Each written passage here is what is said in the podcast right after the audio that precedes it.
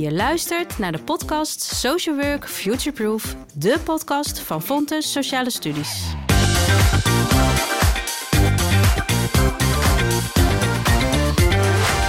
Welkom bij deze aflevering over regionaal expertteam jeugd. Ik ben Dana Veringa en vandaag ga ik in gesprek met Stefan Assink. Welkom Stefan. Dankjewel. Jij hebt dit onderzoek naar het regionaal expertteam jeugd, RED, is misschien voor de rest Mhm. van het gesprek wat makkelijker. Het is zo mondvol. Ja. Uitgevoerd samen met Rachel van Tellingen. Die kon er vandaag niet zijn. En het is tevens een onderzoek dat je hebt uitgevoerd in samenwerking met de 21 gemeenten in Zuidoost-Brabant. Klopt. Voor degenen die niet weten wat een regionaal expertteam jeugd is, zou je er iets meer over willen vertellen? Wat doet een RED precies? Wie zit daarin? Zeker. Eh, het regionaal expertteam, regionaal expertteam eh, jeugd, bestaat uit eh, verschillende professionals vanuit het zorglandschap. Denk daarbij aan professionals eh, vanuit de GGZ, eh, vanuit de jeugdzorg, vanuit de LVB. Ehm, en die afgevaardigden vanuit die sector, die bespreken complexe casussen. Denk daarbij aan casussen binnen de jeugdzorg, waarbij de jeugdige helaas te kampen heeft met hele complexe en meervoudige problematieken. Eh, problematieken waarbij niet heel eenvoudig één oplossing mogelijk is. Ehm Zonred die bespreekt eh, die casus vanuit meervoudig perspectief. Eh, en samen met de jeugdigen eh, wordt er dan gekeken naar oplossingen. Wat is er wel mogelijk? Wat zou wel kunnen? Het belang van de jeugdigen met die complexe problematieken, die staat daarbij dan voorop. Dat is een beetje in het kort wat zo'n regionaal expertteam doet. En dat leidt uiteindelijk tot een advies. Ehm, en het is vervolgens aan zorgaanbieders om aan de slag te gaan met zo'n advies. Ja, en om daar uitvoering aan te geven. En om daar uitvoering aan te geven, inderdaad. Ja. Ja. En wat is precies voor de 21 gemeenten en daarmee ook voor jou en voor Rachel aanleiding geweest om dit onderzoek uit te voeren? Welk Mhm. vraagstuk stond centraal? Welk probleem liep men tegenaan? Mhm. Waar we geluiden over hoorden, was dat de zorg veelal stagneert na een dergelijk uitgebracht advies vanuit het regionaal expertteam. Wat we hebben gezien was eh, dat, ondanks dat het RED best wel positief wordt ervaren in de regio, ehm, de uitvoering van het advies nog een belangrijk aandachtspunt eh, is. Maar denk ook aan een stukje draagvlak en eh, mandaat. Uiteindelijk was de situatie zo dat, eh, ondanks dat er een mooi advies werd uitgebracht door het RED, de jongeren met de complexe problematieken nog steeds bleven ja, rondcirculeren in het systeem. En het, rest, het RED was eigenlijk op zoek naar wat er nou nodig is voor dat RED, eh, zodat ja, die adviezen die ze uitbrengen ook echt leiden tot goede en passende en snelle zorg. Dat was eigenlijk eh, de aanleiding voor het onderzoek eh, dat we hebben verricht.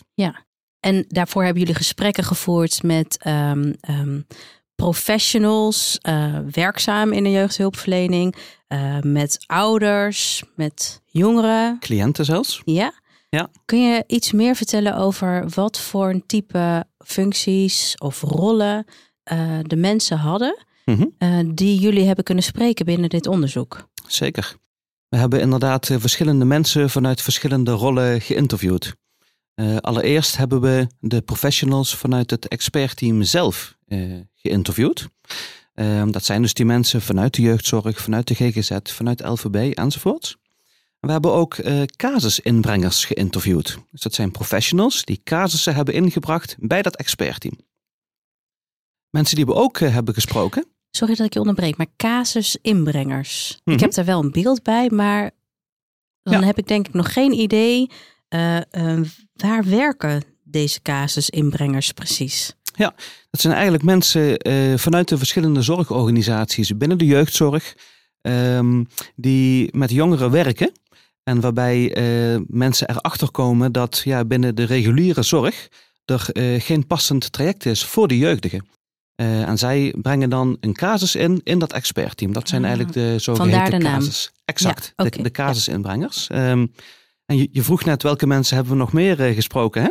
Eh, naast de leden van het expertteam en de casusinbrengers hebben we ook nog de jeugdigen kunnen, kunnen spreken. Ehm, dus dat waren ja, jongeren die kampen met hele complexe problematieken die onderdeel waren van zo'n redbespreking. En ik moet je zeggen, het was heel waardevol om de jongeren ook te spreken, om ook vanuit die kant ja, een inkijkje te krijgen in hoe zij dat hebben ervaren. Ja, dus jullie hebben eigenlijk van naar dezelfde situatie kunnen kijken vanuit verschillende perspectieven Mhm. die in die situatie vertegenwoordigd zijn. Precies, Ja. dat hebben we inderdaad op die manier eh, kunnen doen. Ja. En dat maakt wel heel erg nieuwsgierig naar welke bevindingen hebben jullie kunnen doen op basis van al deze verschillende verhalen die jullie hebben verzameld. Dat is een goede vraag. We hebben best wel wat eh, bevindingen eh, op papier kunnen, kunnen noteren. Allereerst natuurlijk eh, met dank aan de mensen die ja, tijd hebben vrijgemaakt om met ons te, te spreken. Wat heel erg blijkt, een belangrijke bevinding, is dat ook anno 2023, ondanks dat dit onderzoek plaatsvond in 2022, eh, blijkt dat de jeugdzorg nog steeds kampt met een hele hoop knelpunten. En dat is eh, helaas eh, niet nieuw. Denk aan eh, knelpunten op het gebied van personeel, hoge caseload, hoge werkdruk en administratieve romslomp. Dat bleek heel erg uit de gevoerde gesprekken.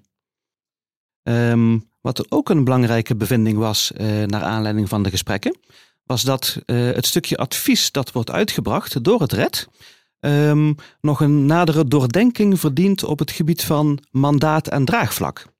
Met andere woorden, wat is nou de status van zo'n advies? Hè? Ehm, zijn zorgorganisaties verplicht om met een bepaald advies eh, aan de slag te gaan? Nou, het antwoord op die vraag is eh, nee. Eh, wat er helaas ook nog steeds voor zorgt dat die jongeren, ondanks dat er een heel mooi en gegrond advies wordt uitgebracht door het RED, eh, nog steeds niet de passende zorg krijgen die zij nodig hebben. Dat was een, een belangrijke bevinding.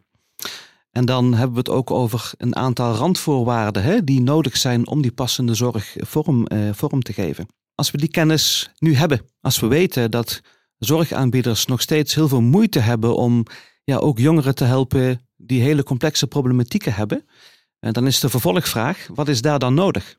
Precies. Ehm, en ook daar hebben we enkele bevindingen weten, eh, weten te verkrijgen. Ehm, een bevinding die breed wordt gedragen is dat het eigenlijk nodig is dat zo'n regionaal expertteam meer bekendheid krijgt binnen het zorglandschap. Enerzijds. En anderzijds moet er ook fundamenteel worden nagedacht door lokale bestuurders, door ja, eh, managementteams van zorgorganisaties, ehm, of de status van zo'n redadvies wel vrijblijvend zou moeten zijn in het belang van de jongeren. Want vaak is het zo dat zorgorganisaties vanwege ja, verschillende redenen, denk aan financiële redenen of personeelstekort, geen passend antwoord hebben op zo'n redadvies, waarbij het belang van de organisatie ja, misschien wel prevaleert eh, boven het belang van de jeugdige. En dat is volgens mij niet iets wat we moeten hebben. Nog een laatste aanbeveling. Ja, ja. Dat is eh, de aanbeveling om, wanneer we dit weten, eh, vooral ook de discretionaire ruimte te benutten als social worker, als professional binnen de jeugdzorg. Ehm, in Nederland is die mogelijkheid er. Je mag eh, je professionele ruimte, je discretionaire ruimte gebruiken. En ja, een belangrijke bevinding is misschien ook wel dat dat wel heel erg noodzakelijk is binnen dit complexe zorglandschap, om die discretionaire ruimte te gaan benutten. En, en die discretionaire ruimte benutten. Ehm, hoe zou een professional dat kunnen doen? Wat doet diegene dan precies? Mhm. Ehm, denk bijvoorbeeld aan eh, het meer optreden als verbinder ehm, tussen ja, de organisatie waar jij werkzaam bent en de andere organisaties in het belang van een mooi zorgtraject en een passend zorgtraject voor de jeugdigen. Wat we hebben gemerkt is dat ja, het huidige complexe zorglandschap eigenlijk schreeuwt om professionals, sociale gogen, eh, die de blik naar buiten hebben. Die niet alleen de blik binnenshuis houden, maar die ook actief op zoek gaan naar passend zorgaanbod enzovoorts bij andere organisaties. We hebben daar het een en ander over geschreven. Eh, Williams heeft daar een keer onderzoek naar gedaan naar dat soort mensen, om het zo maar even te zeggen. En die kwam uit op de boundary spanners, eh, zogenaamd. Ja, daarover eh, lees je ook meer in het, in het onderzoek. Maar zo'n boundary spanner, ja, die moet een aantal zaken goed kunnen doen. Denk aan goed contact kunnen leggen met, met andere professionals, maar ook een stukje procesregie enzovoorts. Ja, en die boundary spanners. Ehm, wij zijn natuurlijk een HBO. Naast dat we onderzoek uitvoeren, bieden we ook onderwijs aan. De inzichten die we met onderzoek opdoen, die vertalen we enerzijds naar handelingskennis voor professionals eh, in het werkveld, maar anderzijds naar onze uh, onderwijsprogramma's. Mhm. Uh, dit klinkt me in de oren als een appel voor het opleiden van meer boundary spanners. Klopt, Dana. Uh, en eigenlijk zou ik er ook, ook toe willen oproepen. Um, want ja, als we iets hebben geleerd van dit onderzoek, waarbij we toch wel ja, een grote groep mensen hebben um, kunnen spreken. Uh, vanuit verschillende rollen. Dan hebben we geleerd dat samenwerking in de keten ontzettend uh, belangrijk is. Um, en dat vraagt ook iets van ons instituut. Want wij leiden natuurlijk onze sociale gogen van de toekomst op. dat vraagt dus om meer nadruk misschien wel op vakken als communicatie enzovoort. Meer verbinden. Ja, meer verbinden. Ja. Meer communicatieve vaardigheden. Ja. Heb je naast wat meer het individuele repertoire ook meer kennis nodig over organisatorische contexten, over beleid, over landelijke wet en regelgeving? Zijn dat ook um, de grenzen waar de boundary spanner overheen moet kunnen gaan om die verbinding te creëren? Absoluut. Uh, dat denk ik zeker. Um, het is natuurlijk sowieso uh, ontzettend belangrijk uh, als social worker om weet te hebben van de landelijke ontwikkelingen op macroniveau dus. Maar ook om weten te hebben van wat zijn nou de ontwikkelingen in de regio? Wat zijn de ontwikkelingen van de organisaties werk-werk? Um, en zo'n boundary spanner, die moet die kennis hebben. En met die kennis in de hand kan die ook die verbinding leggen met die andere organisaties. Natuurlijk niet alleen voor hemzelf, maar in het belang van de jeugdigen. Ja, dank. We zijn aan het einde gekomen van deze aflevering. Ik wil je heel hartelijk bedanken voor dit inspirerende verhaal. Dankjewel.